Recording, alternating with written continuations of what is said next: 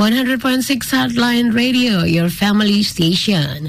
Selamat pagi Heart Listeners, Desi Anita kembali bersama Anda di Parenting with Heart, program edukasi bagi orang tua, hasil kerjasama Radio Heartline dan Yayasan Busur Mas. Setiap orang tua pasti mau anaknya sukses. Pasti mau juga anaknya berhasil nih. Tapi apa sih yang harus dilakukan orang tua untuk mendukung anak-anak mereka sehingga meraih kesuksesan? Gak usah bingung hard listeners, pagi ini sudah hadir bersama saya di studio narasumber kami Ibu Kris Hervina Rani Lidiawati MPSI, seorang psikolog dari Yayasan Busur Emas. Halo, selamat pagi Ibu Kris. Halo, selamat pagi Mbak Desi dan para pendengar semuanya. Apa kabar? Baik, Bu Kris gimana kabarnya nih? Luar biasa baik. Luar biasa ya, selalu baik ya karena siap memberikan informasi positif nih setiap Sabtu ya. Iya. Mari kita uh, sama-sama belajar sebenarnya ya. Jadi mungkin kalau orang tua juga mau berbagi juga boleh kan ya. Mbak Desi juga boleh juga. Iya. berbagi apa aja nih ya Bu Kris ya. Iya. Sarapan pagi juga boleh ya. boleh.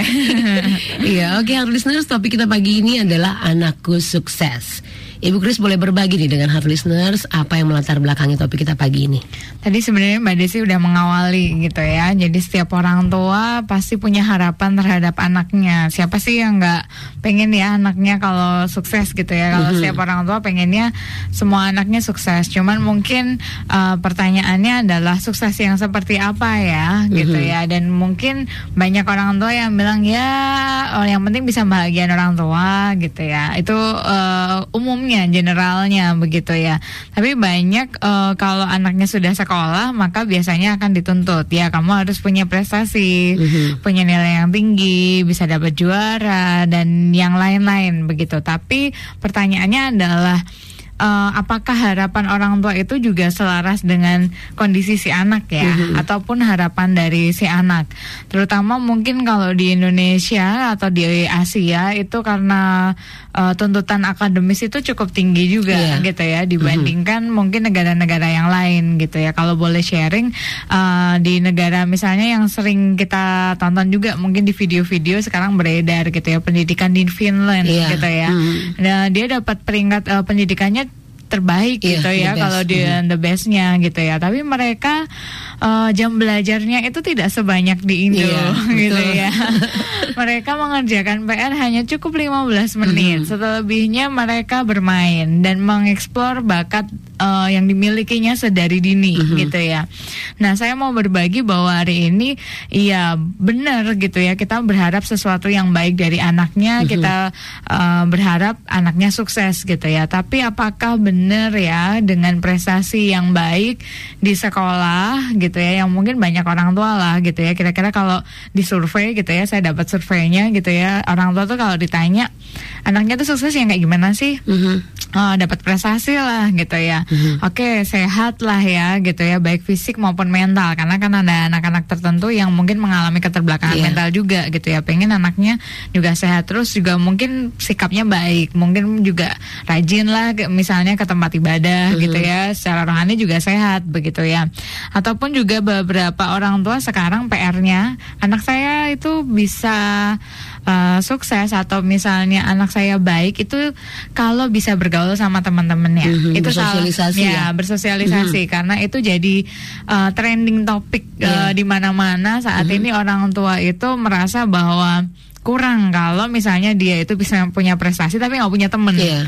ya itu juga jadi masalah juga. Nah mungkin uh, ini juga menjadi PR buat orang tua bahwa melihat itu ternyata nggak cuma dari satu sisi loh mm-hmm. gitu ya. Ada sisi-sisi yang lain. Kalaupun misalnya di anak ini kurang dalam prestasi pasti uh, ada yang lain. Nah kita mau ngomongin bareng-bareng sih sebenarnya. Mm-hmm. nah suksesnya itu yang seperti apa ya? Kemudian uh, kira-kira harapan orang tua bisa terwujud dan harapan anak juga mungkin tidak dipotong begitu saja mm -hmm. begitu itu bagaimana ya caranya dan berharap bahwa ketika uh, orang tua punya harapan harusnya bisa selaras juga dengan harapan dari si anak dan mm -hmm. kondisi si anak itu sendiri dan terutama mungkin kalau punya anak-anak yang hidup di zaman sekarang. Mm -hmm mereka sudah cukup uh, apa namanya terbuka dengan teknologi yang maju begitu ya. Kemudian bisa melihat dari sisi-sisi yang lain. Bahkan kalau misalnya ada uh, apa namanya tokoh-tokoh tertentu yang dianggapnya itu bisa jadi contoh buat mm -hmm. mereka dia bisa mengidolakan yang mungkin lebih dibandingkan yang lain begitu mm -hmm. ya dan itu menjadi PR juga buat orang tua. Saya pikir mungkin uh, kalau orang tua berpikir saat ini uh, apa namanya yang penting sekolah lah ya naik udah punya prestasi atau misalnya tetap kekeh gitu ya pokoknya harus dapat nilai bagus. Saya dulu juga bisa misalnya. Mm -hmm. Ya pemikiran-pemikiran itu banyak banget orang tua juga berpikir seperti itu. Jadi mhm. nggak sendirian juga gitu ya. Mungkin kali ini kita akan belajar bersama-sama gimana ya caranya anak uh, sukses, bagaimana juga peran dari orang tua dan uh, bagaimana juga ketika misalnya orang tua menuntut anak harus punya prestasi yang tinggi, tapi orang tua tidak terlibat di dalamnya. -hmm. Ya, jadi kita akan belajar sama-sama uh, perannya orang tua tuh kayak apa sih hmm, gitu. Waduh, kayaknya udah nggak sabar nih ya. yeah. Menarik sekali untuk disimak. Dan masih dengan topik kami Anakku Sukses. Untuk mendukung suksesan anak-anak tentu saja bukan cuma orang tua ya Bu Kris ya. Pastinya sekolah atau pendidik pun pasti punya perannya masing. Silahkan Bu Kris. Ya, jadi kalau uh, sekarang ini mungkin akhir semester biasanya PR orang tua mendorong anak-anak buat belajar ya mm-hmm. karena tadi kan biasanya tentunya kamu biar sukses ya harus sekolah yang baik gitu ya. Kamu harus mungkin uh, apa namanya ngerjain tugas dan seterusnya. Ini PR-PR uh, mama-mama biasanya mulai cerewet gitu ya. Mm-hmm. Ayo kamu kerjain ini, kerjain itu dan ada yang memang seperti itu gitu ya masih peduli tapi banyak orang orang tua yang sibuk dengan pekerjaannya sehingga melimpahkan tugas mendidik itu semuanya di sekolah. Yeah. Ya, jadi mungkin saya akan kasih pengantar juga tentang uh, apa bedanya peran orang tua dan di mana porsinya nanti peran mm -hmm. dari sekolah itu mm -hmm. sendiri. Nah, mungkin saya awalnya adalah ketika uh, berpikir bahwa orang tua itu ya sukses itu salah satunya tanggung jawabnya adalah sebagian besar itu dari sekolah, tergantung gitu mm -hmm. ya. Mhm. Kalau dapat sekolah bagus nanti pasti anak saya sukses misalnya. Mm -hmm. Atau kalau misalnya misalnya uh, sekolahan yang ini nih gitu ya terjamin gitu ya ini gara-gara uh, sekolah ini nih uh, jadi anak saya tuh nggak pintar misalnya gitu ya kadang-kadang uh, bisa terjadi seperti itu bahkan mm -hmm. orang tua rela untuk pindahin anaknya ke sekolah yang lain mm -hmm. gitu ya menganggap bahwa uh, sekolah ini uh, yang menentukan nanti kesuksesan mm -hmm. dari si anak Uh, Bapak Ibu mungkin perlu tahu juga bahwa peran uh, sekolah agar sukses itu hanya terbatas sebenarnya pada mm -hmm. bagian yang memang pro porsinya yeah. di sekolah gitu ya. Contohnya misalnya hal-hal keterampilan ataupun akademis, skill uh, akademik itu memang bagian porsi yang besar memang di sekolah. Mm-hmm. Ya, jadi kalau ke, uh, belajar tentang math, tentang IPA ya mungkin uh, memang akan mengenalnya baru di sekolah, nulis, uh, membaca dan seterusnya mungkin dari kelas kecil gitu ya. Dan uh, perannya orang tua apa sih? Ya, menanti akan punya pendampingan di rumah juga gitu mm -hmm. ya. Nanti akan saya sampaikan. Mm -hmm. Ataupun misalnya tentang pengetahuan umum gitu ya. Pengetahuan umum ini berkaitan hal-hal informasi yang mungkin tidak didapatkan juga ketika di rumah gitu ya. Wawasan tentang dunia, tentang uh, apa namanya? hal-hal yang general bahasa tata krama dan segala macam mungkin juga dipelajarin tapi porsinya sangat kecil. Uh, ini hanya berkaitan mungkin dengan ilmu sebenarnya. Jadi uh, lebih banyak ya kaitannya dengan misalnya berhitung, membaca, menulis gitu ya kalau yang anak-anak kecil, kalau yang besar ya belajarnya tentang hal-hal akademis yang mm -hmm. mungkin uh, kita baru tahu misalnya tokoh siapa sih yang menemukan kereta api dan seterusnya gitu ya. Uh, itu akan baru mereka akan dapatin misalnya uh, ketika diajarin di sekolah juga. Tapi ada sekarang misalnya karena uh, teknologi semakin maju mereka juga bisa dapat sebenarnya dari teknologi juga gitu ya dari informasi dari gadget mereka. Nah di sekolah juga bukan hanya soal skill akademis atau pengetahuan umum, tetapi di situ mereka belajar juga minat untuk belajar. Ya minatnya belajar ya. uh, mereka mau kenal aturan-aturan sekolah, kemudian oh jadi saya mesti baca ya, saya mesti kerjain PR itu yang diajarkan di sekolah, ataupun Mhm. mereka ketika di sekolah yang umum uh, bukan homeschooling ya, uh, mereka juga belajar untuk bagaimana bersosialisasi ataupun bermasyarakat, mematuhi aturan-aturan yang ada. Nah, sangat disayangkan ketika misalnya banyak orang tua yang memilih uh, untuk demi keamanan anak tanpa ada uh, gangguan atau apa pun mereka memilih untuk homeschooling. Mhm. Nah, di sekolah yang reguler mereka itu belajar sebenarnya bagaimana uh, toleransi juga Mhm. gitu ya untuk menaati peraturan, untuk bekerja sama dengan orang lain itu nggak akan didapatin di mana-mana Iya. gitu ya. Apalagi sekarang kalau misalnya orang tua hanya memiliki satu anak gitu ya atau misalnya hanya terbatas lah anaknya nggak mungkin 10 kan kayak orang Iya, zaman dulu iya, gitu ya betul. jadi eh, mau tidak mau di tempat eh, di sekolah itulah sebenarnya eh, mereka juga belajar mempraktekkan dari yang sudah diajarkan di keluarga untuk diterapkan di masyarakat eh, kecil mereka juga Mhm. gitu ya di ya di kelasnya mereka, di sekolahnya mereka. Mereka belajar untuk eh, bagaimana juga berorganisasi misalnya ketemu dengan orang-orang baru berarti belajar beradaptasi juga. Itu perannya sekolah hanya terbatas eh, mengaplikasikan sebenarnya apa yang diajarkan oleh orang tua. Nah, selebihnya padahal kan sukses nggak hanya seperti itu Mhm. gitu ya. Itu komponen yang lebih banyak kalau di sekolah itu iya hal-hal akademis, hal-hal kognitif yang diberikan. Mhm. Gitu ya. Kalau tadi saya sebutin sebenarnya porsinya benar-benar 70% itu lebih banyak di akademisnya. Mhm. Sementara bagian yang lain, bagaimana untuk mencapai akademis itu bisa berprestasi yang tinggi, itu lebih banyak porsinya sebenarnya di orang Di tua, orang tua ya. gitu ya. Mhm. Jadi kalau boleh saya uh, lanjut, sebenarnya ada banyak juga perannya orang tua, tapi dengan terbatasnya waktu saya at least uh, saya singkatin aja gitu ya. Mhm.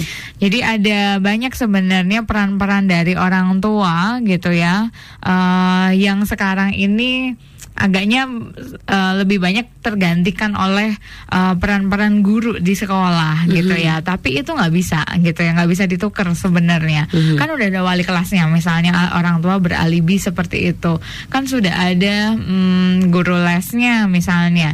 Uh, tapi ada hal yang utama yang itu akan membantu anak itu bisa sukses nantinya di Mhm. sekolah. Contohnya apa? Peran orang tua yang nggak bisa tergantikan adalah dalam perkembangan emosi. Dalam perkembangan emosi ini orang tua eh, menjadi model yang pertama. Eh, si anak ini akan melihat bagaimana sih sebenarnya saya mesti berespon terhadap eh, situasi yang mungkin eh, tidak mengenakkan gitu ya. Ketika saya dimarahin misalnya, Mhm. eh, ketika saya sedih, saya berespon seperti apa ya. Jadi orang tua yang jadi model. Kenapa ini jadi penting eh, ketika mereka nantinya belajar hal-hal akademis di sekolah. Mhm. Contoh, nggak semuanya kan di sekolah itu happy happy aja gitu ya. Jadi kalau di rumah peran orang tua uh, dalam perkembangan emosi ini jadi model. Kenapa? Karena anak itu belajar. Kalau saya melakukan kesalahan, maka apa yang harus saya lakukan? Kalau saya punya tugas-tugas tertentu, kemudian saya tidak lakukan, konsekuensinya apa ya? Mhm. Itu uh, belajar di rumah sebenarnya. Nanti waktu di sekolah, di sana sudah ada rule-nya yang pasti dan tertulis gitu ya. Mhm. Ketika uh, saya nggak suka, saya mesti gimana ya gitu ya. Jadi uh, argunya, kemudian saya bisa memahami kondisi orang lain, itu sebenarnya PR-nya dari rumah gitu Mhm. ya. Kenapa kok ada anak yang histeris banget ya? Kalau dimarahin sampai nangis gulung-gulung dan Mhm. itu kebawa di sekolah gitu ya. Ada apa ya? Sebenarnya PR-nya dari rumah. Harusnya perkembangan emosinya mereka ini dijaga sedari dini. Mhm. Mer- bagaimana mereka berespon dan beradaptasi. Oh, jadi kalau saya tidak terpenuhi keinginan saya, saya mesti gimana ya? Oh, kalau saya eh, sedih, saya mesti seperti apa ya? Kalau saya marah, harusnya saya berespon seperti apa ya? Eh, itu diajarin di rumah. Jadi kalau misalnya di sekolah, saya pikir eh, mereka akan struggling gitu ya. Kalau Mhm. misalnya di sekolah punya aturan dong, nggak boleh ya. Misalnya nangis gulung-gulung gitu ya. Terus orang eh, si gurunya harus eh, apa namanya memenuhi permintaan itu. Jelas tidak mungkin kalau dalam eh, jumlah klasikal gitu ya. Anaknya banyak terus ada anak pokoknya saya mau main ini gitu ya. Terus dikasih kan nggak mungkin juga ya. Di sekolah ada aturannya. Nah kesulitan yang terjadi adalah mensinkron gitu ya. Membalancekan gitu ya atau menyatukan antara uh, aturan di rumah sama aturan di sekolah. Nah, berharap bahwa para orang tua yang mungkin punya anak mahal gitu ya dalam arti ya anak-anak uh, khusus misalnya entah anak tunggal anak yang mungkin sulit didapat juga mm-hmm. gitu ya atau anak satu satunya laki-laki misalnya atau anak satu-satunya perempuan dan mm-hmm. seterusnya lah ya tetap harus membantu mereka untuk beradaptasi dan uh, belajar untuk berespon yang positif juga mm-hmm. ya ketika saya uh, merasakan tertentu saya mesti gimana ya ini tergantung orang tuanya gitu ya. Mereka belajar contoh kalau orang tuanya sedih, apa yang dilakukan oleh orang tua. Kalau orang tuanya marah, mereka melakukan apa ya. Hmm. Nah, itu sebenarnya sudah dipelajarin si anak dari sedari dini gitu ya.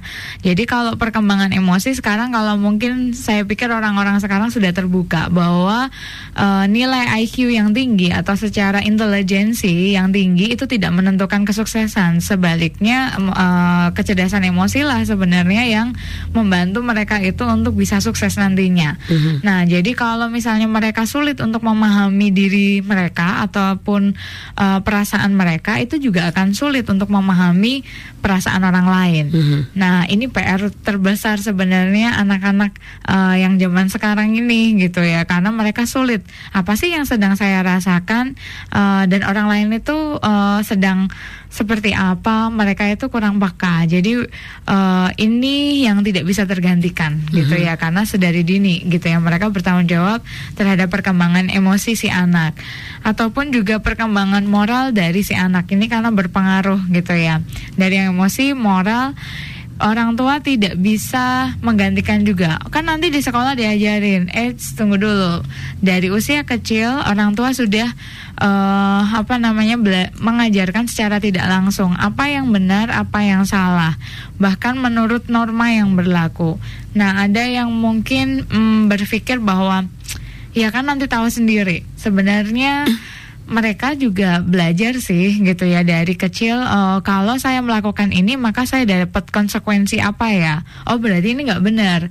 Tapi kalau orang tua tidak pernah memberikan konsekuensi ketika melakukan kesalahan maka si anak tentunya tidak tahu mana sih yang benar mana sih yang salah. Itu yang kerap kali terjadi sebenarnya di rumah mm -hmm. ya. Jadi kalau begini, oh, ternyata orang tua saya tidak berespon apa pun, maka kemudian ya dilakukan lagi. Jadi ada satu hukum uh, hukum efek gitu ya. Jadi dibilang kalau saya melaku uh, atau anak ya melakukan perilaku-perilaku tertentu dan mendapatkan konsekuensi yang menyenangkan, perilakunya tentu uh, akan lebih meningkat. Sementara ketika dia melakukan sesuatu dan mendapatkan konsekuensi yang tidak menyenangkan, maka perilakunya akan melemah dan tidak akan diulangin lagi. Itu uh yang terjadi. Nah, sementara saat ini kadang lebih banyak yang anak uh, anak-anak punya orang tua tuh pola asuhnya adalah permisif ya semuanya boleh lah ya mm-hmm. udahlah ya terserah gitu gak ya mau repot ya ya nggak mau repot mm-hmm. jadi atau bahkan neglect gitu ya jadi mm-hmm. dicuekin aja ya terserah serah kamu lah gitu ya itu sedih sih gitu ya jadi mm-hmm. mereka nggak tahu gitu ya pastinya uh, perkembangan moralnya akan berbeda dari orang tua yang care. Oh ini nggak boleh gitu ya, harusnya seperti ini. Itu akan -hmm. beda sekali. Dan nanti pasti berdampak juga di sekolah. Harusnya kan sekolah itu ngurusinnya porsinya lebih besar adalah akademis. Yeah. Tapi yang terjadi saat ini adalah uh, mereka juga harus ngawasin gitu ya kemampuannya hmm. mereka untuk tahu ini nggak benar ini yang boleh gitu ya. Mungkin kalau PR PR uh, guru-guru zaman sekarang juga didik. Oh ya kan memang harus uh, didik karakter juga ya. Betul. Hmm. tapi itu dimulai sebenarnya sudah dari keluarganya juga. Hmm. karena uh, sekolah nggak bisa berdiri sendiri gitu ya. Jadi kesuksesan juga bukan hanya soal akademis kan gitu ya. Jadi uh, penting bahwa orang tua juga berperan bagaimana uh, mendidik anaknya untuk tahu apa sih yang benar, apa sih yang salah dan perilaku apa yang sesuai dengan norma-norma yang berlaku uh, di masyarakat ataupun di lingkungannya. Uh-huh. Jadi uh, mungkin itu yang kedua dan yang uh, berikutnya adalah peran orang tua yang tidak bisa tergantikan adalah bagaimana orang tua uh, salah satunya untuk jadi figur, jadi figur ayah, figur ibu. Ini berpengaruh terhadap uh, perannya orang tua untuk memberitahukan mereka ini siapa nantinya. Dia laki-laki atau perempuan, kemudian saya harus berperan seperti apa. Ini juga yang akan menentukan uh, nantinya dia mengerti. Oh, saya mesti minat saya apa ya, pekerjaan saya apa ya, itu nggak dipungkirin sebenarnya. Banyak misalnya kalau cross gitu ya, yang perempuan uh, pengennya jadi kayak superhero gitu ya mau bekerja misalnya di bagian pertambangan misalnya. Hmm nggak apa-apa sih, nggak mm -hmm. ada yang salah gitu mm -hmm. ya. Tetapi perlu untuk mempertimbangkan juga resiko-resikonya, misalnya, atau punya uh, orang tua yang cross juga, oh papanya jadi uh, papa rumah tangga, misalnya, mm -hmm. nggak ada yang salah hal itu. Tapi tetap harus punya uh, pemahaman yang benar bahwa laki-laki mm -hmm. itu harus berperan seperti apa, ibu itu harus berperan seperti apa. Fenomena yang terjadi saat ini, kenapa kok anak laki-laki berperilaku misalnya seperti perempuan atau mm-hmm. sebaliknya yang perempuan um, berperilaku seperti laki-laki salah satu riset mengatakan adalah kehilangan figur dari ayah atau mm-hmm. ibunya okay. atau keduanya gitu jadi nggak ngerti saya ini perempuan yang mesti seperti apa mm-hmm. perilakunya ataupun laki-laki yang saya harusnya bertanggung jawab seperti apa jadi mm-hmm. banyak kalau kasus-kasus di sekolah misalnya ada anak cowok susah buat bertanggung jawab gitu ya karena nggak dapet juga figurnya. Saya mesti mhm. kayak gimana? Atau yang perempuan kok nggak feminim banget gitu ya hilang gitu mm -hmm. ya harusnya kan setiap orang sih saya yakin punya uh, sisi feminim dan maskulin yeah. itu ada. Tetapi porsinya yang lebih besar yang mana? Nggak mau gitu ya. Sampai dipaksa misalnya contoh harus pakai rok aja susah banget mm -hmm. gitu ya. Ya sebenarnya zaman sekarang juga nggak masalah. Tapi ada uh, misalnya kalau acara kartini aja deh gitu ya. Yeah, yang harus. Hmm, harus kan. Nggak mungkin juga kan mm yang perempuan pakai base cup gitu ya mm -hmm. kan kebalik ya jadi uh, toh yang hal-hal yang seperti itu kelihatannya sepele sih, tapi itu jadi kasusnya merembet ke yang lain mm-hmm. gitu ya. Gara-gara misalnya yang laki-laki nggak punya figur ayah, uh, kemudian dia berperilaku lebih dekat dengan mama, uh, lebih feminimnya lebih kuat, nanti di sekolah seperti apa ya? Uh, minatnya berbeda dari yang teman-teman anak laki-laki yang lain, misalnya. Terus kemudian jadi bahan bully dan seterusnya. Itu ceritanya mm-hmm. akan jadi tambah panjang lagi gitu mm-hmm. ya.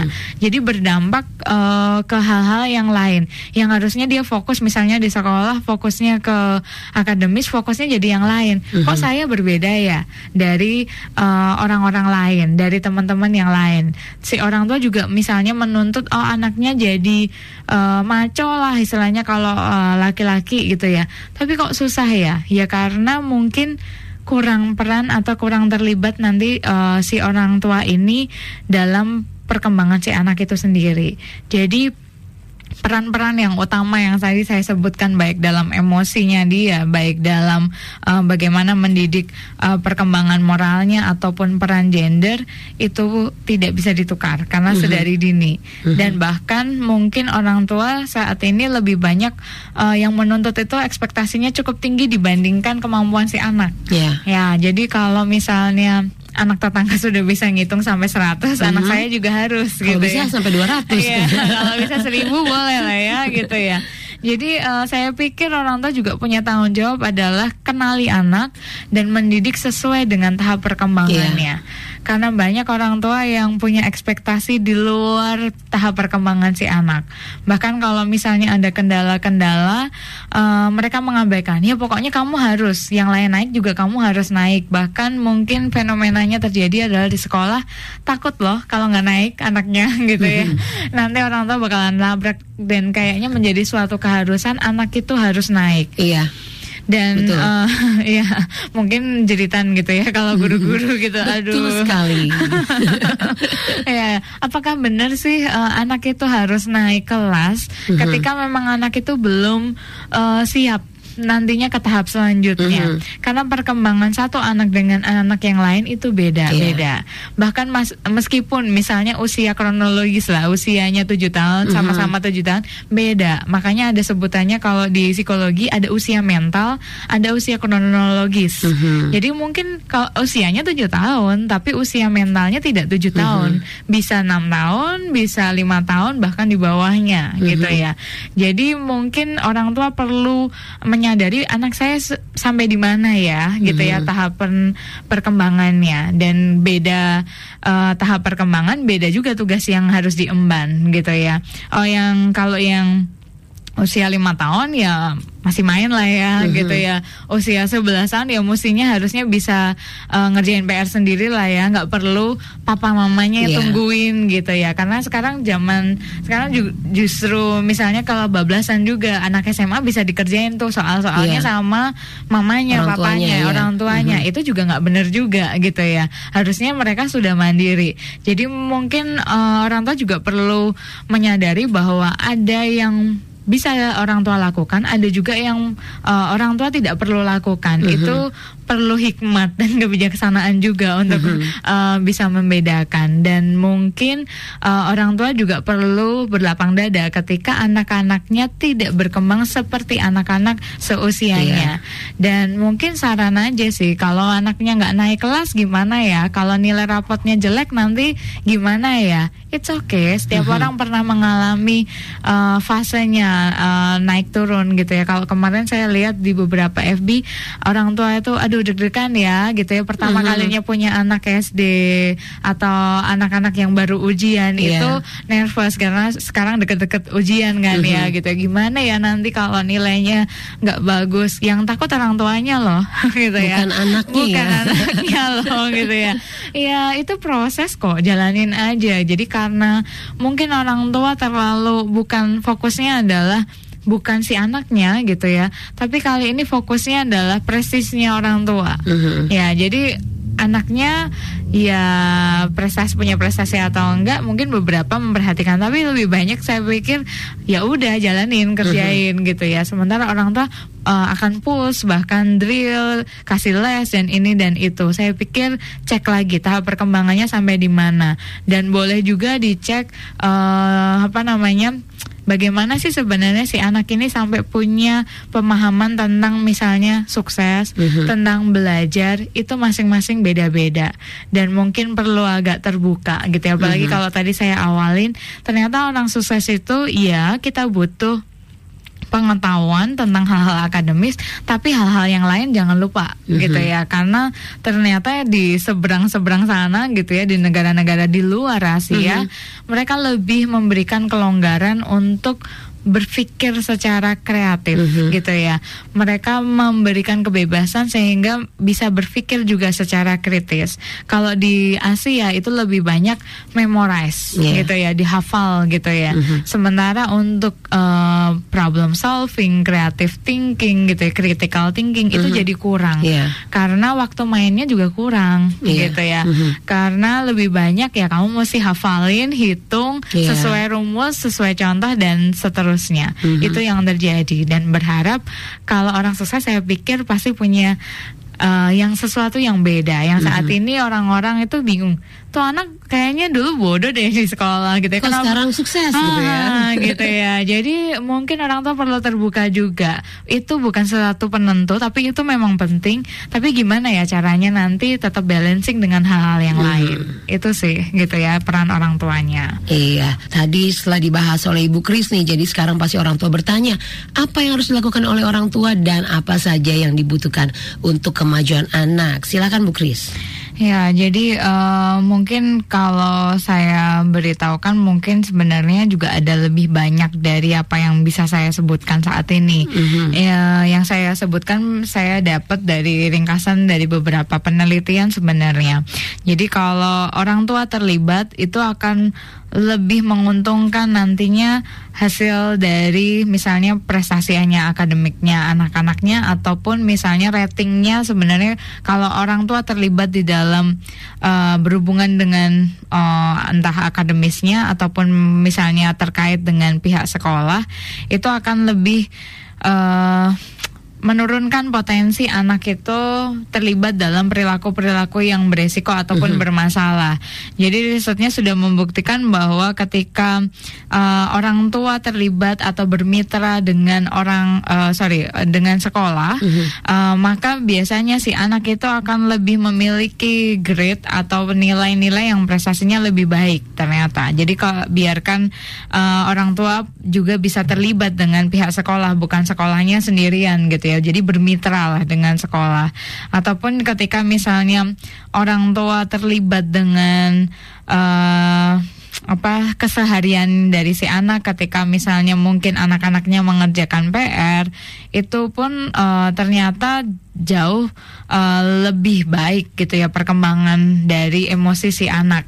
Jadi uh, si anak merasa bahwa saya diperhatikan. Itu pun membantu si anak tetap kondisi mentalnya juga stabil. Mm -hmm. Kalaupun gagal, saya it's okay gitu ya. Jadi mungkin singkatnya uh, ternyata penting buat si orang tua uh, terlibat secara aktif gitu ya memantau mm-hmm. dan juga bisa bekerja sama dengan pihak uh, luar seperti misalnya sekolah ataupun uh, komunitas ketika misalnya uh, di gereja atau mungkin uh, di tempat ibadah yang lainnya pun mm-hmm. uh, itu membuktikan bahwa si anak-anak nanti akan memiliki jauh uh, sikapnya lebih baik dibandingkan anak-anak yang tidak pernah terlibat dalam komunitas uh, kerohanian misalnya.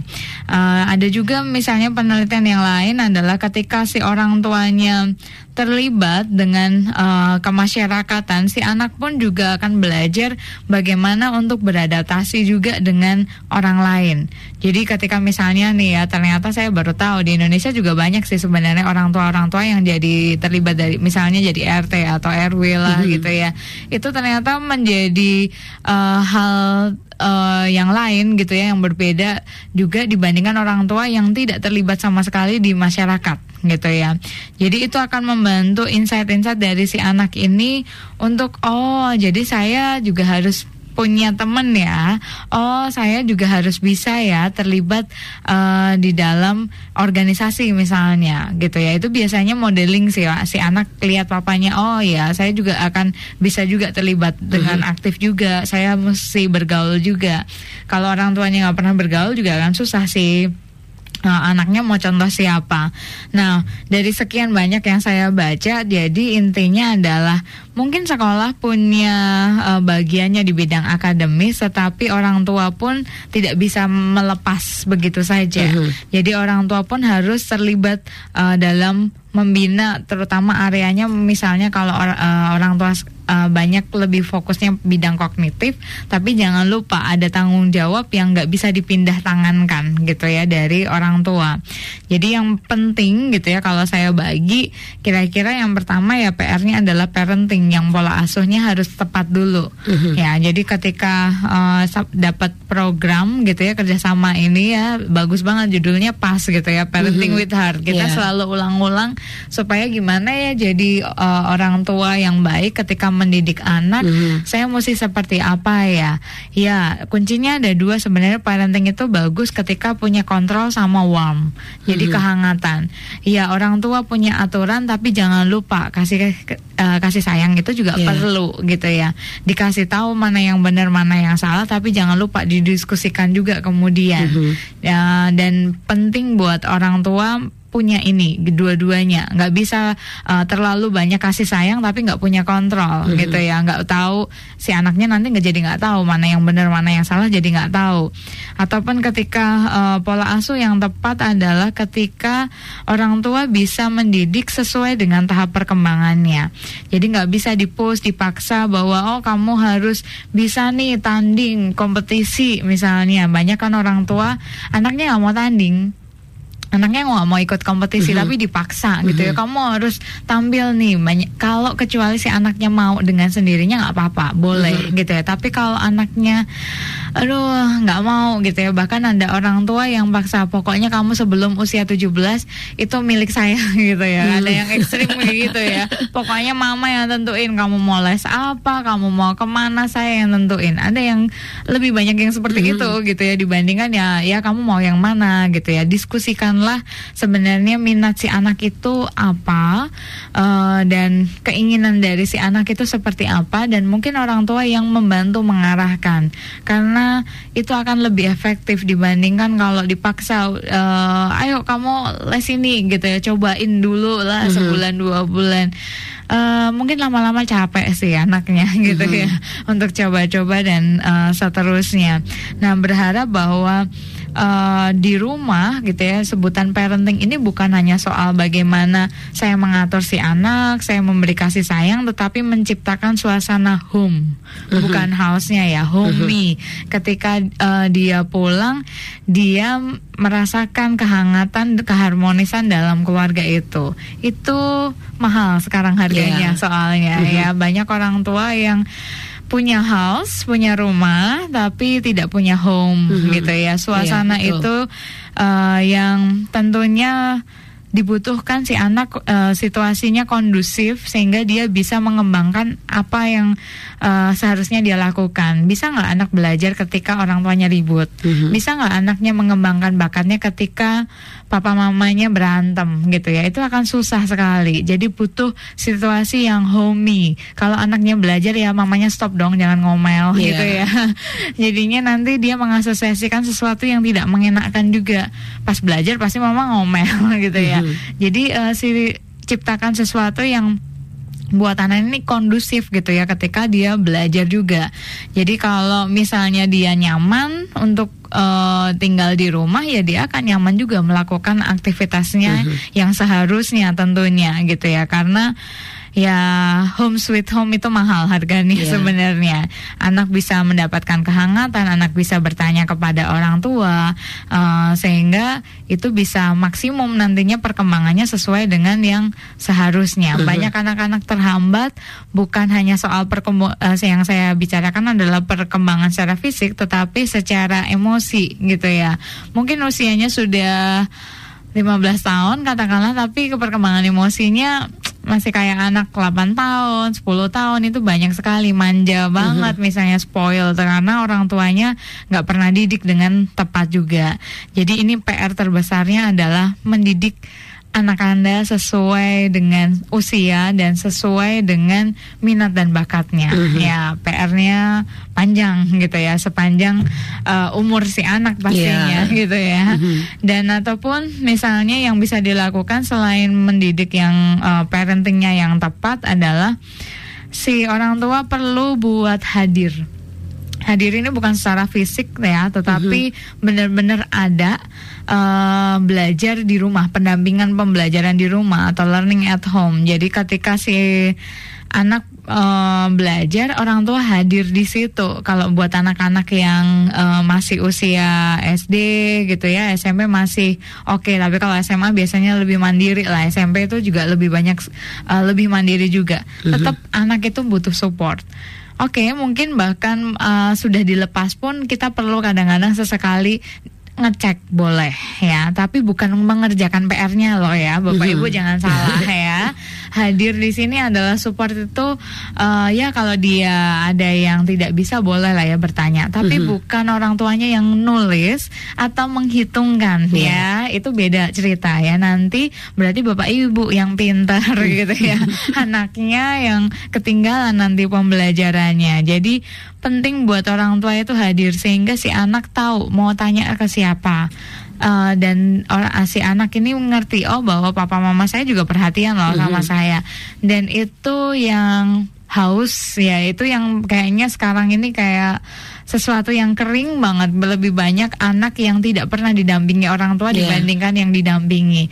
Dan ini cukup berdampak sebenarnya. Contoh kalau lebih banyak didampingi guru les dibandingkan orang tua beda nggak sih? Gitu mm -hmm. ya pasti beda. Jadi anak ini akan merasa lebih diperhatikan dan tentunya ini akan diasosiasikan oh kalau belajar gitu ya papa mama saya hadir itu menyenangkan gitu ya mm-hmm. nggak perlu ditanya deh bapak ibu juga mungkin pernah dulu waktu kecil ada sama orang eh, orang tuanya ada sama nggak ada itu kan beda Iya, ya. betul. Eh, jadi bukan jadi momok gitu ya kalau mamanya ada terus belajar bukan gitu ya. Tapi kita sebenarnya happy kok diawasin gitu ya. Mm-hmm. Jujurnya seperti itu. Jadi peran orang tua selain memang jadi orang tua gitu ya mengawasi tapi juga untuk mendampingi juga pembelajaran di rumah sehingga tanggung jawabnya bukan sepenuhnya di sekolah Mhm.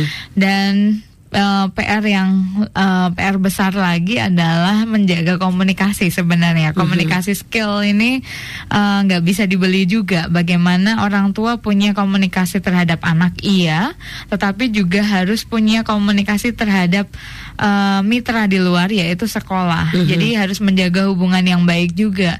Karena toh orang tua tidak sepenuhnya tahu tentang perkembangan si anak di sekolah Mhm. maka mau tidak mau ya harus hadir parenting meeting misalnya atau misalnya ada pemanggilan eh, ketika pembagian rapot ya biasanya kalau di sekolah-sekolah eh, orang tua juga harusnya aktif karena ada beberapa orang tua dipanggil udah berkali-kali juga nggak Iya, hadir gitu rapot ya. aja kadang nggak datang ya. Iya, rapat aja aduh sibuk. Ingat loh gitu ya, ini anak Anda. Jadi sekolah itu mitra gitu ya, jangan musuhan gitu Iya. ya.